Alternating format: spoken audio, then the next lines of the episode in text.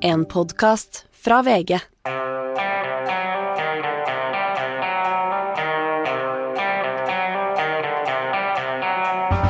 Ikke visste jeg at alle disse dagene som kom og gikk, de var selve uke 31. Og her i Gjever og gjengen så går det mot slutten på, på sommerferien. Eh, fra mandag så er de aller fleste, tror jeg, eh, tilbake igjen. Eh, bortsett fra Hanne.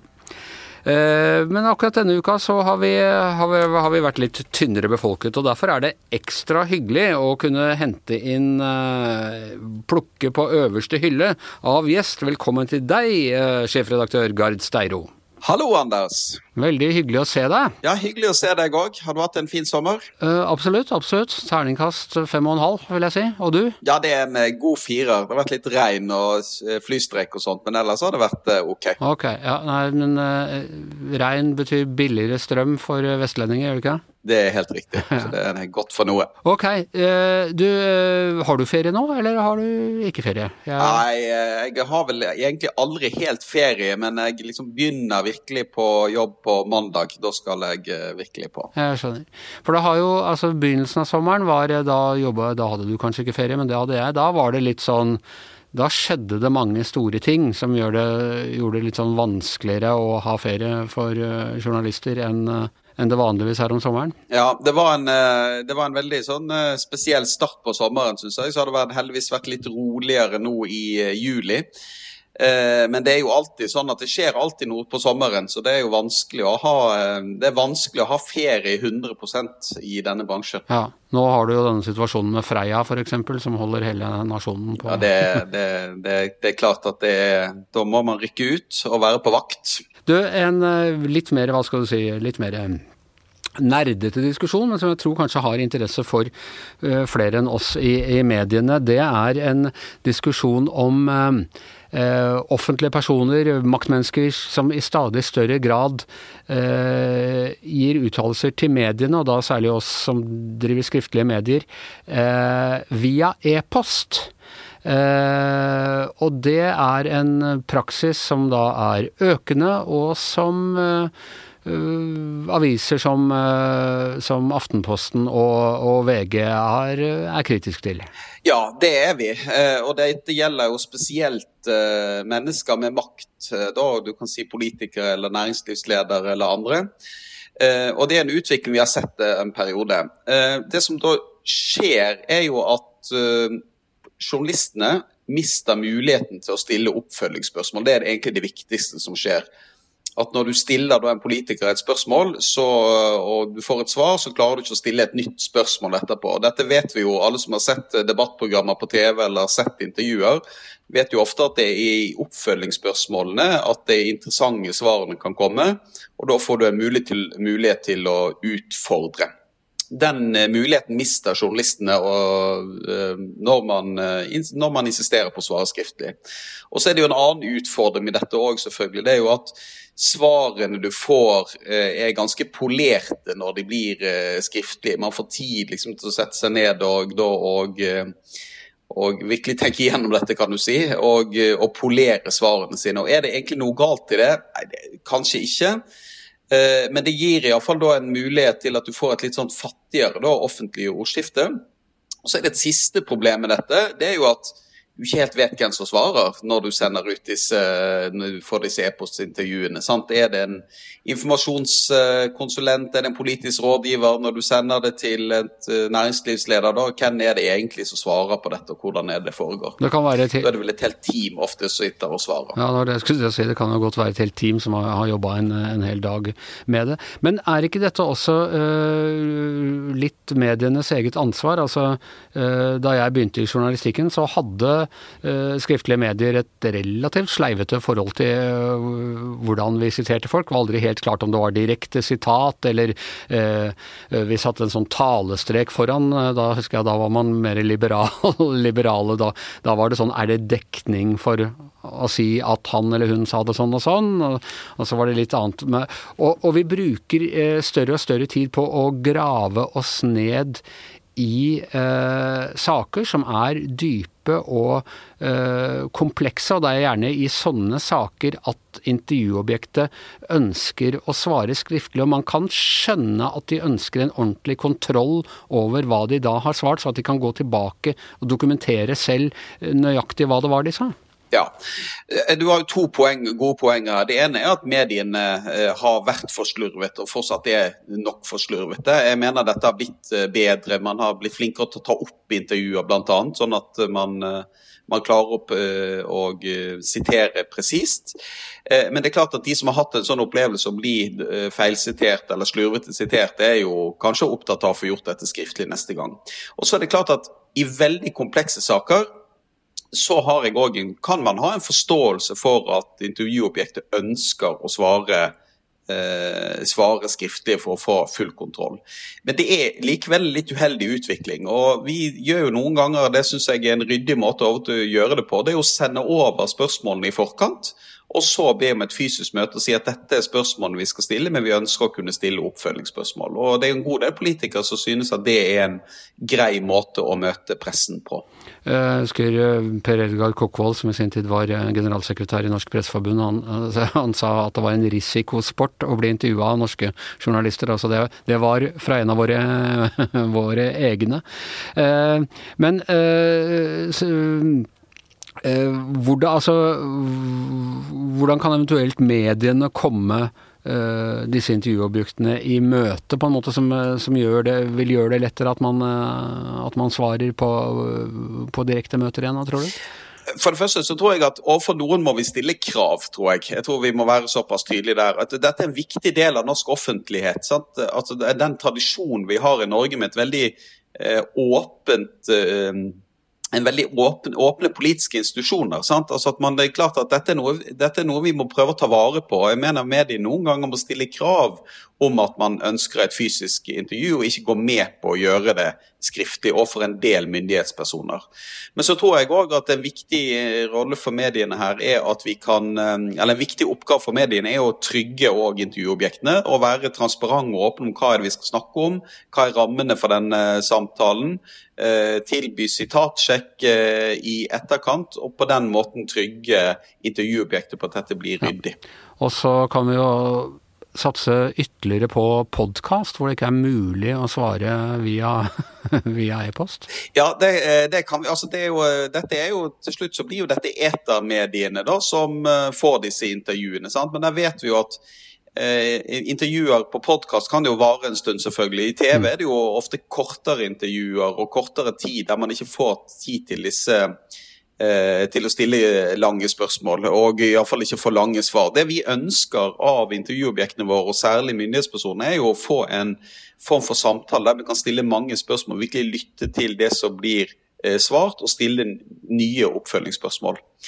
Eh, og jo mer da myndighetspersoner eller politikerne tar regi på disse samtalene, så er det jo ikke Det er jo selvfølgelig kjedelig for journalistene, men til syvende og sist er det jo publikum som også taper på dette til slutt, med at man får mindre informasjon fra de som styrer landet. Jeg husker den filmen som heter 'Oljeberget', om uh, Jens Stoltenberg mens han var statsminister. Da har han et sånt hjertesukk hvor han sa at uh, de, de, måtte regulere hvor mange han lot intervjue. For uh, journalistene brukte han bare som samtalepartner. Når de først fikk intervju, så satt de liksom egentlig bare og, og skulle ha bakgrunn og liksom hans vurderinger av forskjellige ting, og så kom det liksom ikke noe ut av det. Han ville fortelle om den fine pensjonspolitikken eller, eller et eller annet sånt. Så det er en utfordring der òg. Ja, det er en utfordring der òg, men det går jo both ways. Det der, fordi det er jo en del politikere også som er veldig glad i å snakke på bakgrunn og gjerne vil fortelle mye på bakgrunn, men med en gang du ønsker å få Og det kan de gjerne gjøre muntlig, selvfølgelig, det gjør de helst ikke mm. skriftlig.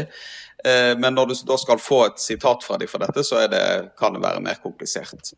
Men jeg tror dette er en utvikling. altså Hvis, ser, hvis du ser litt større på det, så mener jeg dette har vært veldig bra ved det norske samfunnet. at altså De som har hatt ledende stillinger i samfunnet, enten har vært politikere eller folk som har vært leder for offentlige institusjoner eller næringslivsledere, de har stilt opp for pressen, åpent på pressekonferanser, stilt opp på intervjuer.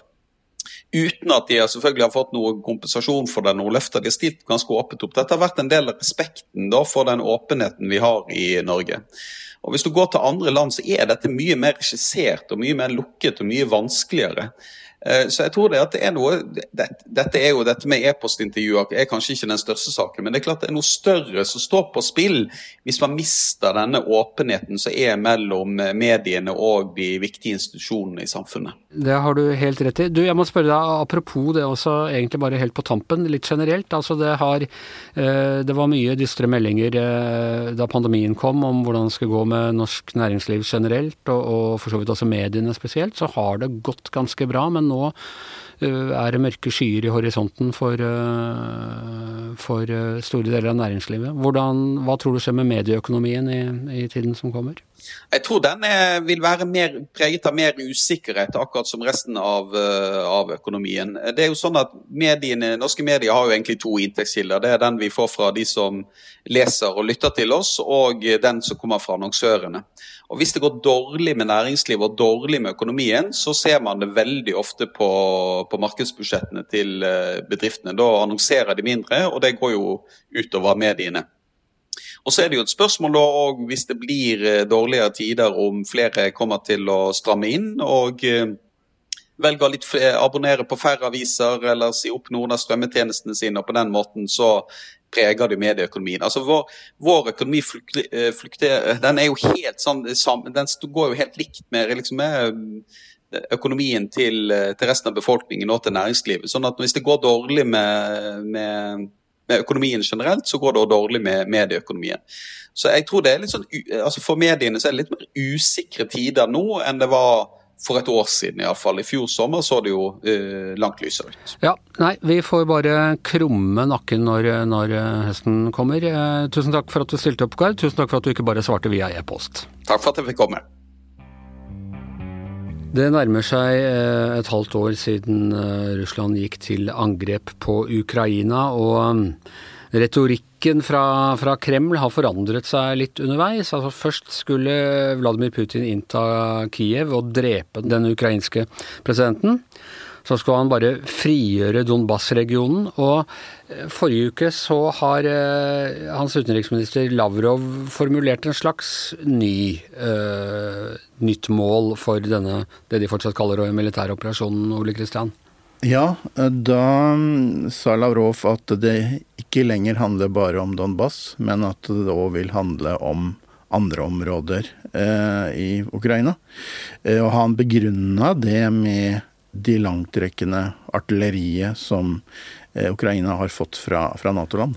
Altså at eh, støtten fra Nato-land gjør at de utvider, at Russland utvider eh, målet for sin operasjon eller sin krigføring? Ja, han, han begrunna det med det.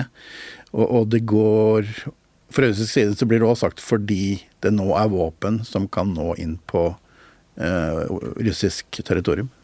Eh, men hvilke, hvilke, områder er det, og, og hva vil det bety i praksis hvis de får det til? Altså, Lavrov nevnte spesielt uh, Kherson og Zaporizjzja, uh, og ja, eventuelt andre regioner òg. Um, og det er jo nå i ferd med å bli en uh, Altså, Kherson falt jo allerede etter et par ukers krig. Um, men nå vil Ukraina prøve å vinne tilbake den byen, som jo er ganske viktig. Eh, fordi spørsmålet har jo vært om Russland jo skulle bevege seg nærmere mot klare å bevege seg nærmere mot Odessa. Eh, men eh, Ukraina sier at de allerede innen september mener de at de kan vinne tilbake Kherson. Og det er nok viktig både En ting er at det er viktig i krigen, men en annen ting er jo viktig for Ukraina å vise til Vesten at de får brukt våpnene, at de kan faktisk eh, ikke bare forsvare seg, men da angripe russerne og presse dem tilbake. Gjenerobre. Ja, ja. Mm. Men øh, i det store og det hele, hvordan, hvordan er krigslykken for russerne nå? Går, går, det bedre enn det gjorde, eller sliter de seg fortsatt ut på den måten man, uh, i hvert fall hva skal vi si, vestlig propaganda hevdet i begynnelsen at de gjorde? Ikke sant, fordi det nå er i hvert fall fordi du har både kampen om uh, Danetsk fylke, resten av det, og Kherson, så er det mange som mener at Russland ikke har kapasitet til å, å ha en god nok styrke på begge de stedene. Det har skjedd ganske lite direkte i krigen den siste tida, sånn at det er vanskelig å si. Men nå har jo Ukraina sagt at, som sagt at de kjører en offensiv i, i, mot Kherson, og da er det et spørsmål hvordan Russland klarer å, um, klarer å forsvare seg der. Og det er jo det snakk om de bruene ikke sant, som ble bomba, og hvordan det vil påvirke klaget slaget der. Vet vi noe om hvordan det, altså, støtten til krigen går i Russland som sådan? Ifølge meningsmålingene så er det veldig, veldig stor støtte. Ja. Eh, men eh, Ifølge russiske medier? Ja, nei, altså og, og, det, ikke sant, En meningsmåling i Russland nå er jo absolutt grunn til å se litt ta meg en klype salt. Fordi du har jo både det faktum at uh, det er institutter som er kontrollert av staten, og vi har det faktum at det jo eh, kan gå ille for deg hvis du uttrykker eh, tvil om det russiske forsvaret. Eh, det betyr jo at det er, selv om det er 80-90% støtte, så det, kan vi ikke stole på det. Nei. Eh, men det, det, drepes jo, altså uansett om de er uenige om tallet her, så drepes det jo mange russiske soldater. Eh, og hvordan påvirker det russerne å ja. se soldatene komme hjem i kister? Det er klart at det skulle jo normalt sett ha stor innvirkning. Ukraina påstår selv at de har tatt livet av over 40 000 russiske soldater. Det er nok eh, La oss si at det er halvparten. La oss si det er 20 ja, for russerne selv hevder at det er 10 000 eller noe sånt? Nei, det er lenge siden de har kommet med en tall. Okay, ja.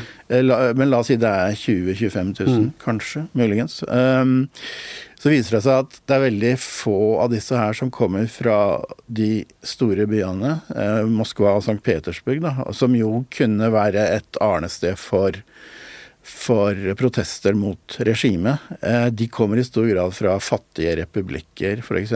I, i Sibir. Eh, der det er verdt um, Fordi det er en ganske bra lønn for å være soldat, så er det da med tanke på arbeidsledighet og dårlige lønninger og sånn, så er det mange som har søkt lykken da i Forsvaret og nærmest blitt litt uh, kanonføde. Og um, da kommer de da tilbake til de her republikkene som i kister. Og, uh, men der er det For det første så vet vi jo lite om hva som foregår der nå. For det andre så er det spørsmål om om de kan klarer å stille seg opp mot krigen på samme måte som menneskemassene i de store byene. Ja, for det, det ville ha vakt oppsikt på en annen måte hvis, hvis disse kom til, til f.eks. Uh, Moskva. Uh. Ja, det tror jeg er ganske sikkert. Uh, samtidig så er jo nå Russiske medier er jo nå fullstendig kontrollert av myndighetene. Det er òg relativt få vestlige journalister i, i Russland. Jeg så bl.a.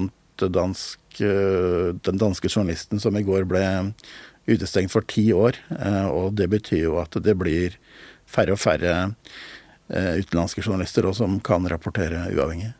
Det gjør det jo stadig vanskeligere å vite hva det er som skjer i, i, krigen, og særlig på russisk side. Og det er jo et, et stort tap for, for mediene at, vi, at vi ikke får noen informasjon. Absolutt. Vi vet uh, veldig lite nå. Vi, det som uh, virker helt klart, er at det ikke er protester så å si i det hele tatt. Uh, det, var, det, er jo vel 16 000 mennesker som er blitt pågrepet for protester mot krigen.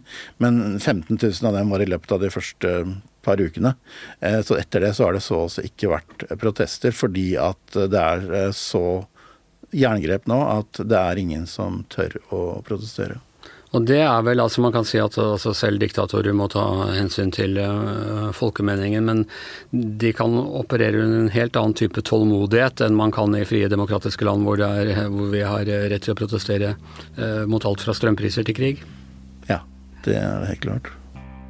Du, vi må snakke litt om Vi har ikke snakket nesten om noe USA, bortsett fra Nancy Pelosis besøk på, på Taiwan denne uka, men det har vært noen valg i Eh, i USA og denne uka. Først og fremst, altså, jeg må si det, det mest øh, overraskende, og noen vil si gledelig overraskende, det var dette abortvalget i Kansas. En av USAs virkelig tradisjonelt svært konservative stater, hvor det var nesten et flertall på 20% som stemte mot at, at man skulle miste retten til selvbestemt abort. Det var litt overraskende. Det var det mest oppsiktsvekkende med, med, de valga vi hadde nå denne uka. Det er det ingen tvil om. Nei, og, og helt sikkert gitt um, Uh, demokratene uh, en hardt tiltrengt uh, tro på at, at, det er saker de kan slåss for, og som, som, folk er opptatt av? Ja, det virker jo som det er en av de få saker der virkelig demokratene kan, kan markere seg. Men så virker det så Det pussige var jo at det ellers var en, skal vi si for noe, en Trump eh, suksess i, i, i, veldig mange valg ellers. og Derfor så var det enda mer overraskende at den abortavstemningen skulle ende sånn. Ja, Det er vanskelig å liksom lese tendenser ut av dette, for som du sier, en rekke sånne Trump-støttede kandidater. Og Jeg har lyst til å bare snakke litt om hun ene, min eh, favoritt her. Eh, Kari Lake, eller Carrie går jeg ut fra at hun sier, men det er antagelig norsk Kari, fordi eh, oldeforeldrene hennes er eh, innvandrere fra Norge. Bestemora hennes het Olga Marie Michael, holdt jeg på å si Olga Marie Michaelsen, men jeg mente Olga Marie Berg. Eh, hun har vært eh, lokal sånn TV-ankerstjerne i Arizona, og hun ser nå ut til å ha blitt Uh, hun har slått en mer sånn anti, uh, anti-Trump-republikansk uh, kandidat som heter uh, Karin Taylor Robson, om å bli, å bli kandidat til guvernørvalget i Arizona. Hun har en del sterke meninger, for å si det sånn. Blant annet så la ut på Twitter i går en melding om at hun som guvernør ikke ville godta eventuelle føderale våpenlover som da som var i strid med konstitusjonen som hun, som hun skrev. da. Ja. Og, og, at eh, og så spurte hun hva, hva vil de gjøre hvis, på føderalt nivå hvis jeg nekter å, å følge det. De kan, skal de komme og arrestere en guvernør i Arizona, liksom? Så hun har, også, hun har jo òg blitt uh, hatt noen linker til noen konspirasjonsteoretikere og hun mente jo, hun er jo veldig sånn støtte av at, uh, at det var valgfusk og sånt under Trump, og hun gikk jo egentlig ut og mente at det var valgfusk i Arizona. Og da de første stemmeopptellingene tydet på at hun kanskje ikke vant. Og så da det snudde, så ble, ble hun litt tausere, ja. litt tausere på dette. Men hun mener fortsatt at valgsystemet er korrupt, da, selv om det, det kan ha, det ha funka etter hensikten her. Vi kan jo høre på at hun uh, forklarer dette for uh, pressen forleden. Well, we have a lot of evidence of, of irregularities and problems, and we're going to address those. I'm not going to release it to the fake news, but we'll release it to the authorities. Why not release it right now? I, why would I release it to a, a bunch of people who denied that there was fraud when there was obviously fraud? Ja, den var ganske sterk, den eh, der, ja. Men noe eh, Altså, VG var en av de første som virkelig av internasjonale medier som plukket den opp. Allerede for et år siden så traff eh, vår korrespondent Erlend Ofte Arntzen og Thomas Nilsson henne i Arizona. Budskapene hennes er jo veldig sånn antimedia, og hun er selv gammel journalist, og hun bruker det som et slags Jeg tilhørte denne kulten av løgnere og i det hele tatt. Så hun gikk Da, da Erlend og Thomas traff så brøt hun inn i et intervju eh, de gjorde med noen supportere og sa jeg skal bare passe på her at ikke mediene eh, plager dere og trakasserer dere og, og sånne ting. Jeg, jeg vet uh, hvordan de kan være. Ja, ja, for hun har jo i flere tiår faktisk anchor i en lokal um, TV-stasjon i, i, Phoenix. Og, og, og um, det er vel på grunnlag av det faktisk hun er blitt en uh, stor politisk sånn er blitt kjent, ja, ja. Og hun var jo uh, ivrig Obama-supporter i eh, 2008, da Og så sent som i 2017, ved innsettelsen til, av Trump, da tror jeg hun var blitt republikaner igjen, men da var hun Eh, da var hun anti-Trump og oppfordret folk til å boikotte og ikke se på innsettelsen av, eh, av, Trump. Og det mest fantastiske er at hun har jo da Hun er jo anbefalt av Trump. Og jeg tror det er det han liker aller best. Det er de kandidatene som har snudd, liksom som har vært anti-Trump. Og det er de han føler han virkelig eh, vil legge sin støtte bak. Altså Jeg har forstått at Demokratene vel òg har noen steder har drevet nærmest en slags valgkamp for de Trump-støttende kandidatene til republikanerne. Ja, og jeg så det er altså hun Karin Taylor Robson, som er tradisjonell, meget konservativ republikansk eh, kandidat fra Arizona, og veldig anti-innvandring og eh, alt som er, men hun tilhører liksom den den fløyen av partiet som nå frykter for at personkultdelen Eh, rundt Trump, men som du sier, demokratene eh, på mange måter håper på at det er den de skal slåss mot. Det, eh, det kan være en risikabel strategi for demokratene, dette, for vi vet jo at denne personkulten har vunnet før. Ja, det... Det, er, det er risikabelt, men det gjør jo bare denne valgkampen nå fram mot mellomvalgene i november enda mer spennende. Happy birthday, Mr. President. Happy birthday to you.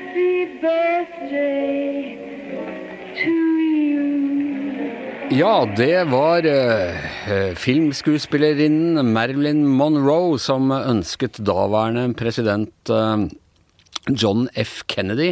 Uh, gratulerer med dagen. I, i må ha vært i 1961 eller 1962, og for i disse dager så er det 60 år siden eh, Marilyn eh, Monroe eh, døde. Det er så lenge siden at selv ikke du og jeg husker henne, Yngve Kvistad, annet enn sånn i ettertid. Husker det som det var i går, Anders. du, ikke, du var ikke født engang. Jeg, jeg, jeg har levd samtidig med Marilyn Monroe, det har ikke du. Du har levd i skyggen av Marilyn Monroe. Hele mitt liv. Et helt Men liv. eh, ja, nå kommer det noen ny serie om henne, og, og jeg tenkte litt av den Elvis-filmen som går, og det er litt sånn tilbakeoverskuende. Men har ungdommen i dag noe forhold til Marilyn Monroe, Yngve Kvistad? Hun er jo et, et stort populærkulturelt uh, ikon uh, fortsatt, og Marilyn er jo en referanse. Og Kim Kardashian som tar på seg denne kjolen og skandalen knytta til det tyder jo på at uh, altså når Kim Kardashian uh, bryr seg om Marilyn, så er det vel uh, stor sannsynlighet for at hennes store følgeskare også gjør det. Men det er klart at hun er nok ikke den store filmskuespilleren lenger som hun en gang var og faktisk ble huska og æra for, og til dels også latterliggjort for. jeg tror heller ikke at um, ungdommen husker og har et forhold til Marilyn som som det store populærkulturelle ikonet, men også 60-tallsikonet. Det som på en måte også uttrykker tiårets uh, tap av uskyld. Uh, alle disse tingene lurte Magne og jeg på også, og nå har jeg tatt fram en gammel uh, sjanger fra VG. Faktisk den journalistiske sjangeren som trakk meg til VG i sin tid. Fem på gata. Uh, og så har vi vært ute på gata og spurt unge mennesker og vist dem et bilde av Marilyn Monroe og spurt dem om de vet hvem dette er. Er det Marilyn Monroe? Det er Marilyn Monroe. Veldig bra. Vet du hva hun drev med? Hva som var jobben hennes? Eh, nei. Synge eller sånt? da? Ja, hun sang og var, eh, var filmstjerne.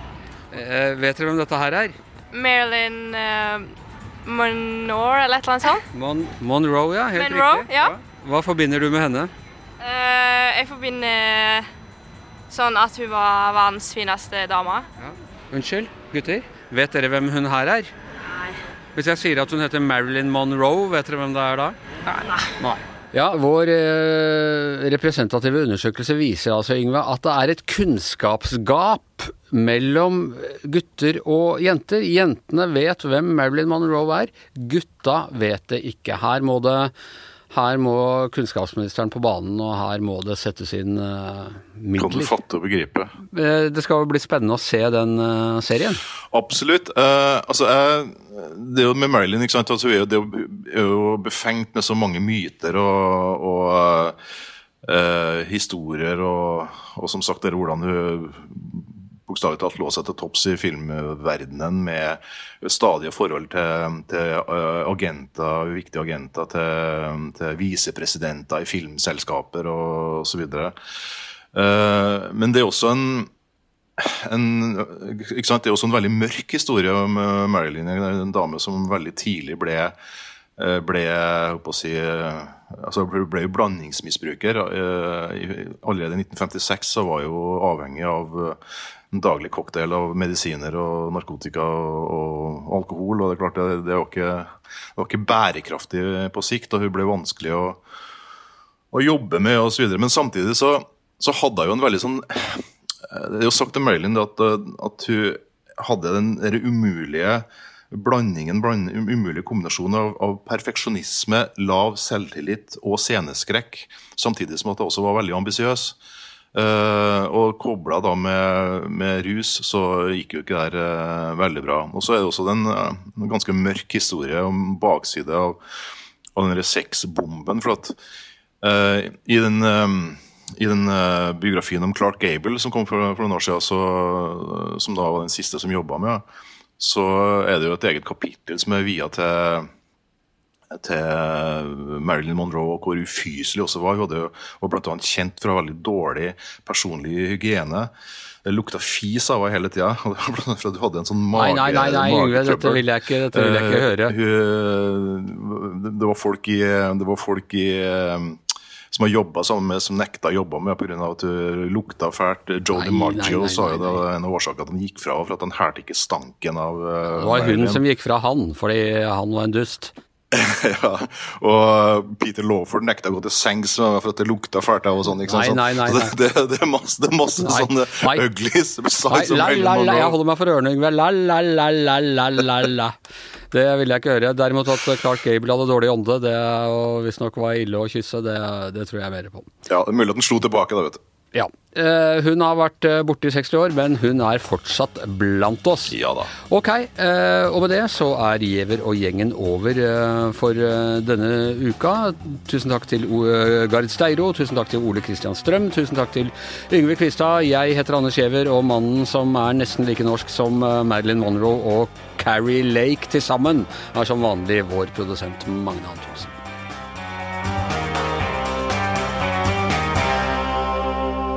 Du har hørt en podkast fra VG. Ansvarlig redaktør, Gard Steiro.